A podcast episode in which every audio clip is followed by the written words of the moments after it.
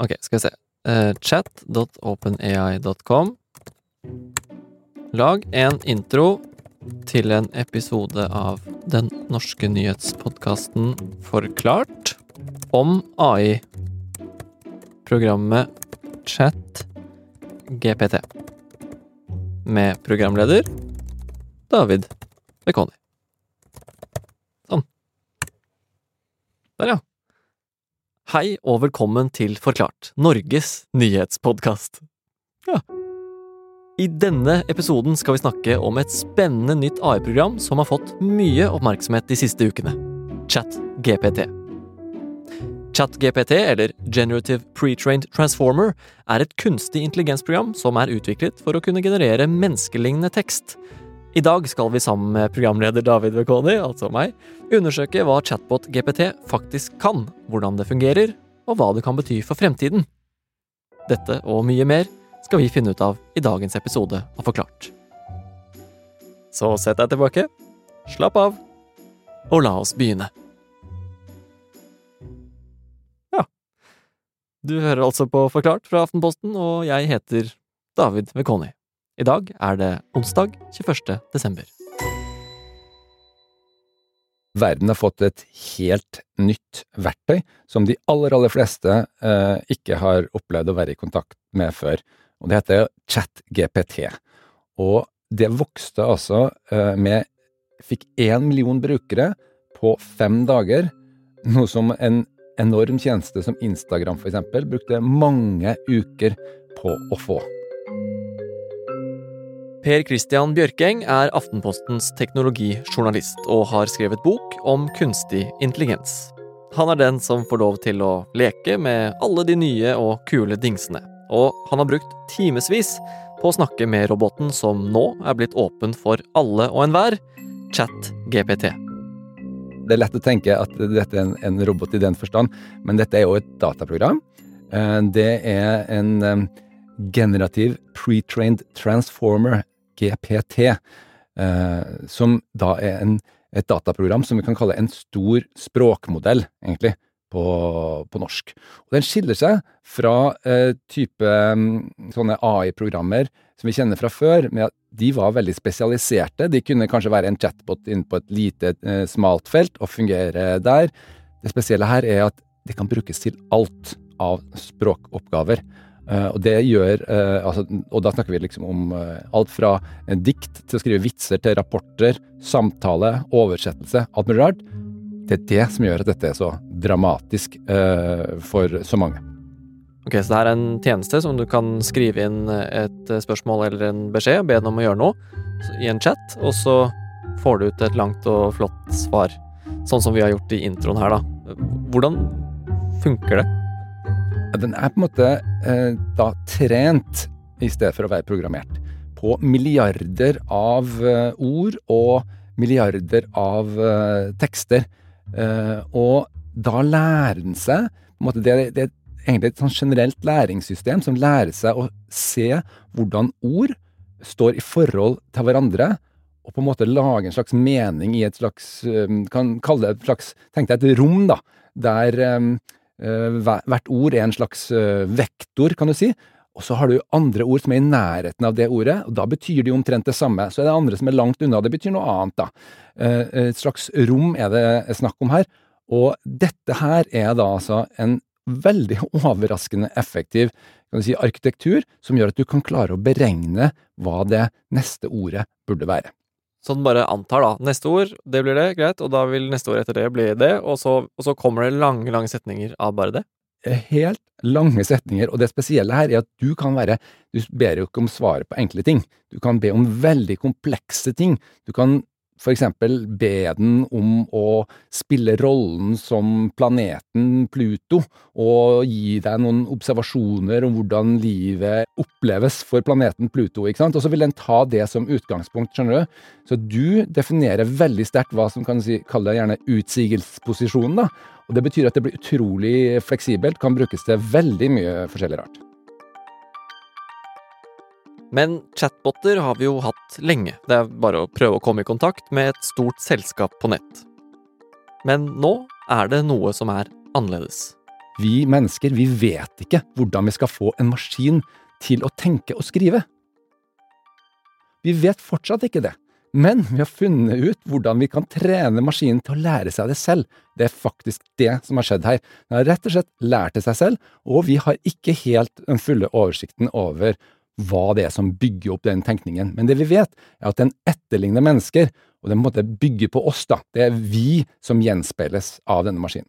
Og et sånt dataprogram, som på sett og vis kan tenke selv, det fører med seg muligheter for deg og meg. Jeg tror jo dette her kommer til å endre hele måten vi eh, skriver på.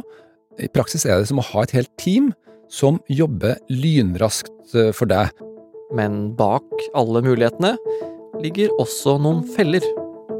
For det teamet ditt, det er faktisk en gjeng med lystløgnere.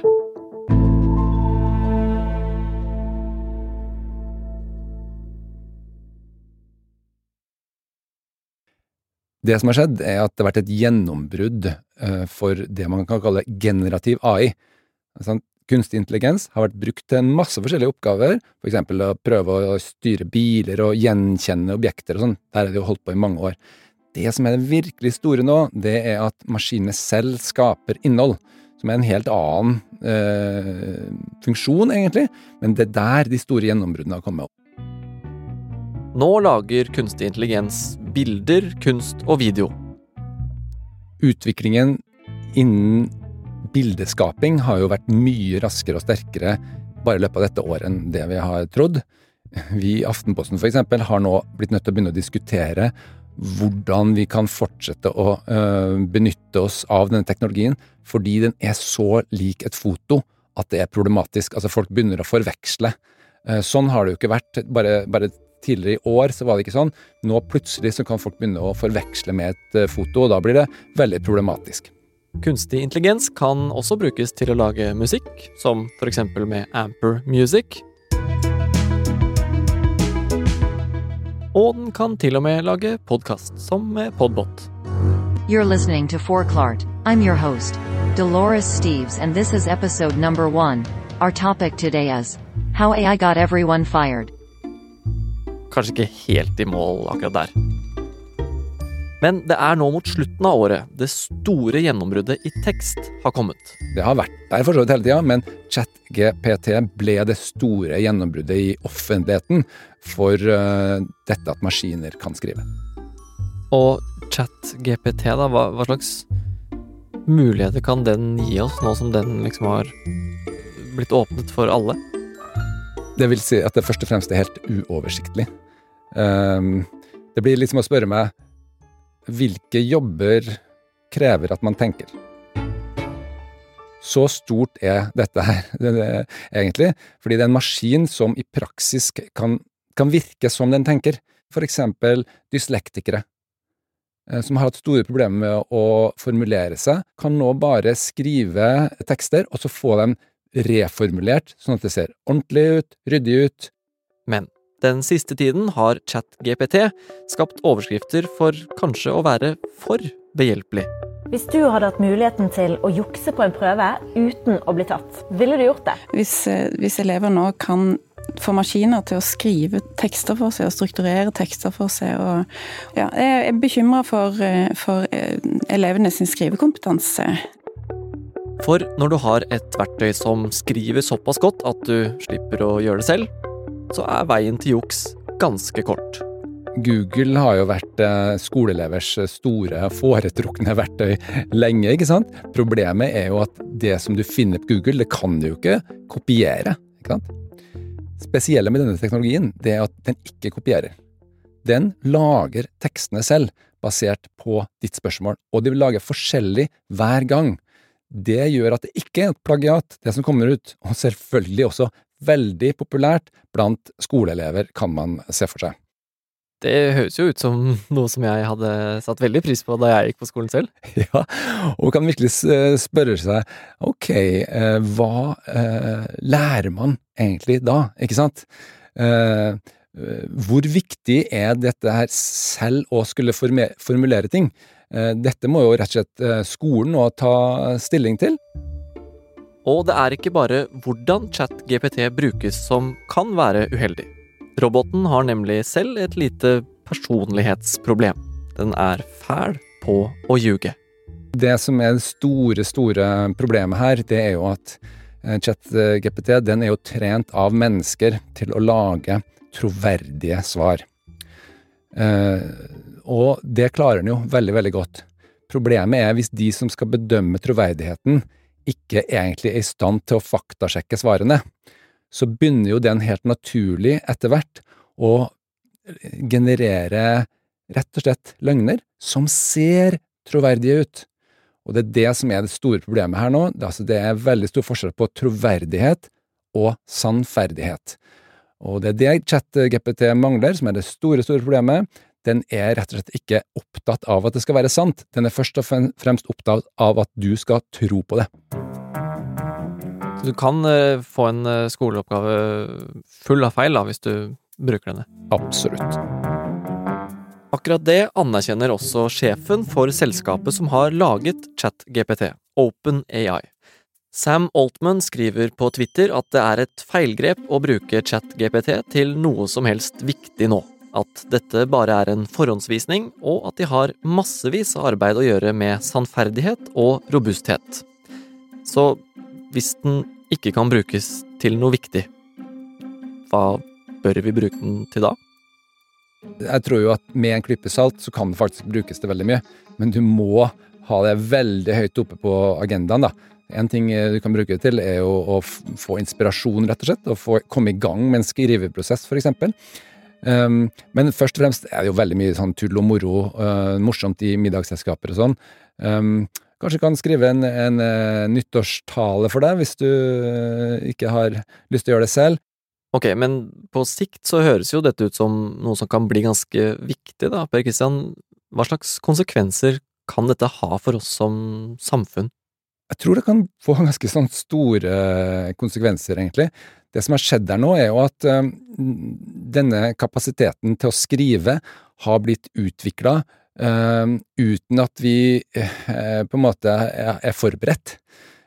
Sånn at vi som samfunn er ikke klar over at det kan begynne å komme og dukke opp utrolig mye kunstig innhold som er laga der mennesker ikke har vært involvert, og det gjør oss veldig sårbare. Du kan tenke deg, de første som vil benytte det her, er jo reklameannonsører, som vil si ja, gi meg 100 ferdige nettsteder med 100 bloggposter hver som handler om mitt produkt og litt relaterte ting, men si det på en troverdig måte, skjønner du?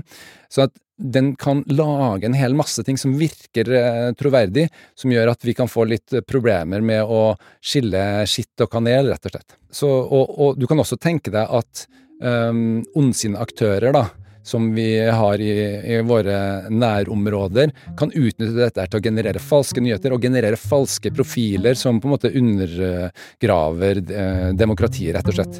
Eh, så der har vi allerede et problem, og det vil jo da bli enda større. Ok, det hø høres ganske skummelt ut. Det, det, er ganske skummelt. Men man skal også, hvis du skal ta med det positive, da, så er det også grunn til å tro at flere av oss på sikt vil kunne ta bedre funderte beslutninger, rett og slett. Eh, og det kan være svært positivt. Altså, du kan tenke deg at du har en som har lest hele internett for deg. Eh, hvis vi bare klarer å løse dette samferdighetsproblemet på en bedre måte Alle vet jo at noe feil vil du på en måte alltid generere. ikke sant? Noe vil være feilgrep i ethvert svar, også fra et menneske. Men, men hvis vi får det ned på et nivå som er tilsvarende det vi selv kan klare, da, det er ikke usannsynlig at det skal kunne gå an, så vil vi plutselig være i stand til å ta veldig mye bredere, klokere, bedre funderte beslutninger enn det vi er i dag. Men hva med jobbene våre, da? Per Kristian, bør eh, folk være bekymra for å bli arbeidsledige i løpet av noen år? Jeg tror heller man skal se på det for som før jordbruks... Eller før den industrielle revolusjonen, så jobba 90% i jordbruket. Og nå er det jo under, godt under 10 som, som gjør det, ikke sant. Man fikk et nytt verktøy, og det er det som eh, skjer her også. Og alle som driver med ord, som snakker og som skriver, altså veldig, veldig mange, har på en måte fått et helt nytt verktøy. Ja, ok, det kan være en slags utfordrer, Men det kommer altså an på hvordan er det du bruker den. Og det er sånn, det, det er tre grupper her, ikke sant. Det, du kan tenke deg de som avviser det her, de har et problem.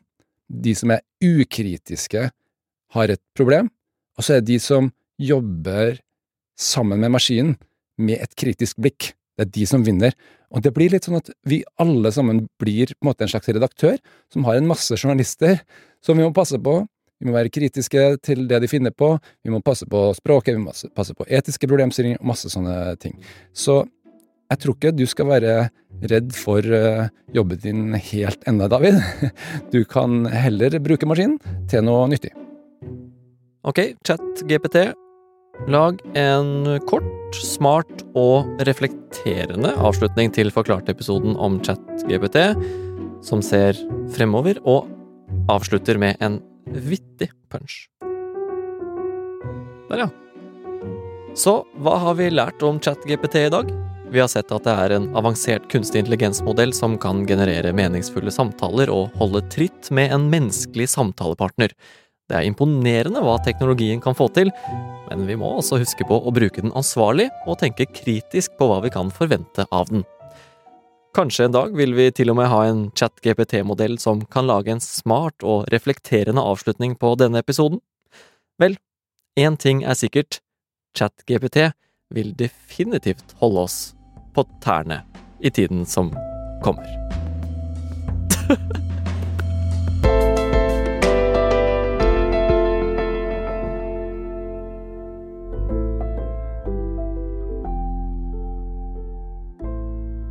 Du har hørt en podkast fra Aftenposten, og fra kunstig intelligens.